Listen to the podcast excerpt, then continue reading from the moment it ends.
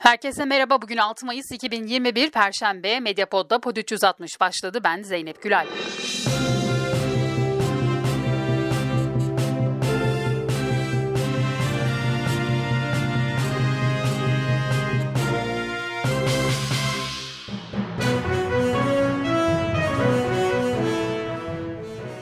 Merkez Bankası Başkanı Şahap Kavcıoğlu'nun başkanlığında toplanan Para Politikası Kurulu faiz kararını açıkladı. Politika faizi %19'da sabit kaldı. İstanbul Zeytinburnu'nda daha önce boşaltılan 5 katlı bina çöktü. Çevrede bazı araçlar hasar gördü. İstanbul Valiliği 4 binanın boşaltılarak tespit analizlerine başlandığını bildirdi. Zeytinburnu Belediye Başkanı Ömer Arısoy ise burada normalde kısıtlama olmasaydı pazar kurulacaktı dedi. İstanbul Büyükşehir Belediye Başkanı Ekrem İmamoğlu İstanbul'un en kritik meselesinin 200 bin riskli yapı olduğunu söyledi. Ne yazık ki İstanbul'un e, bu sıkıntılı yapı stoğundan her ortamda, her yerde bahsediyoruz. E, bugün İstanbul'un e, hangi kaynağı var ise ülkemizin, hükümetimizin, şehrimizin hangi kaynağı var ise en ciddi çabayı işbirliği içerisinde bu alanda vermemiz gerektiğini her ortamda söylüyoruz. Sağlık Bakanlığı'nın koronavirüs salgını verilerinde zaman zaman yaptığı hatalı bildirimlerine bir yenisi daha eklendi. Bakan Koca'nın 100 binde kişi başına düşen vaka sayısının en çok azaldığı iller paylaşımındaki 10 ilden 9'unun isimlerinin yanlış olduğu ortaya çıktı. Verilere İstanbul yerine Sakarya'nın, Giresun yerine Adana'nın, Yalova yerine Kırşehir'in, Tekirdağ yerine Kars'ın, Bayburt yerine Tokat'ın, Kocaeli yerine Batman'ın, Sinop yerine Nevşehir'in, Kırklareli yerine ise Manisa'nın yazıldığı görülüyor. Bakan Koca bir gün sonra attığı tweet tweetle bu hatayı düzeltti.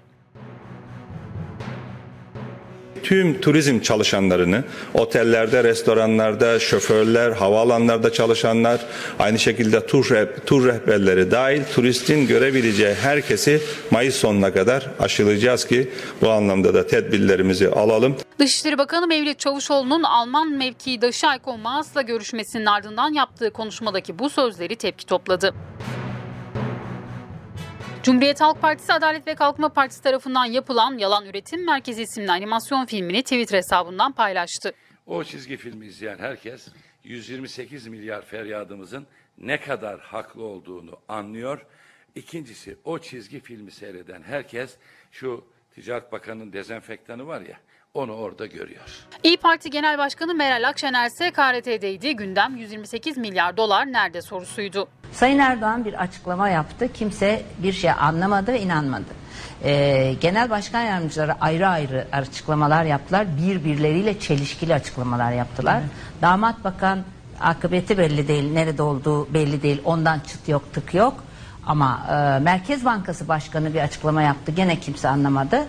E, yalnız Maliye Bakanı bir açıklama yaptı.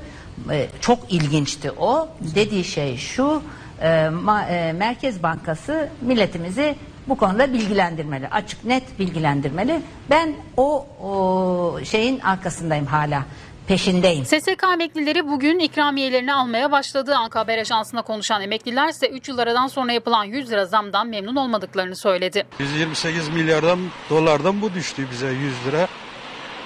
Komik tabii gülünç yani milletle dalga geçmek.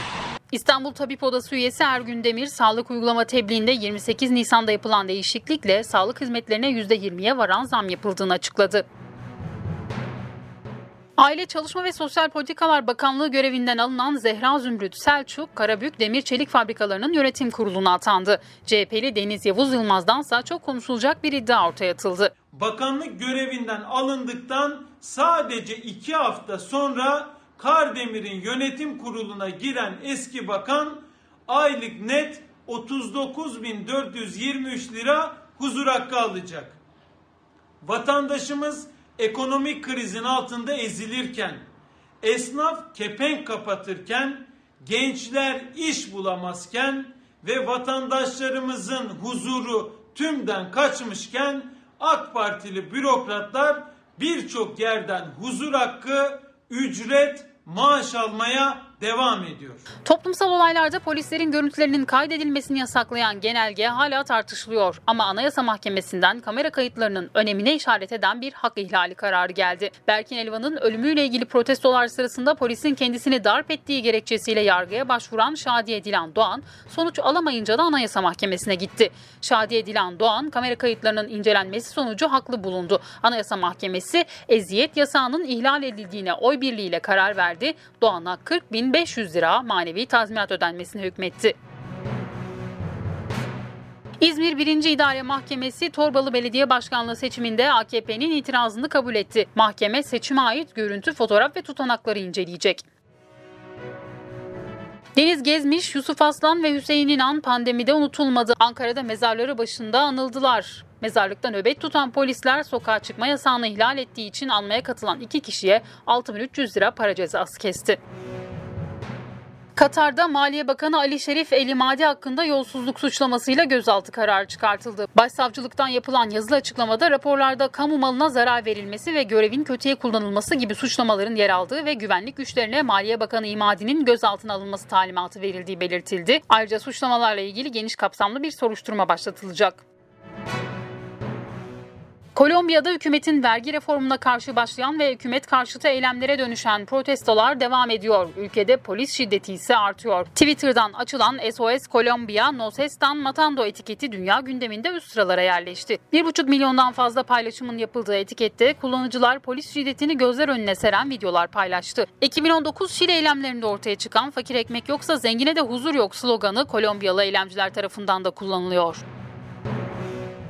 Bugün 6 Mayıs Radyo Günü ama bugün de Türkiye'deki yerel radyolarda zor durumda. CHP İstanbul Milletvekili Yüksel Mansur Kılınç 6 Mayıs Radyo Günü'nde açıkladığı radyolarla ilgili raporunda Türkiye radyolarının tarihinin en büyük kriziyle karşı karşıya olduğunu belirtti. Rütüye başvurusu olan radyoların yarıya yakınının AKP döneminde kapandığını söyledi. Telif ödemeleri nedeniyle birçok radyo e, yayın yapamayacak duruma geldi. Birçok radyo yayın hayatından çekildi.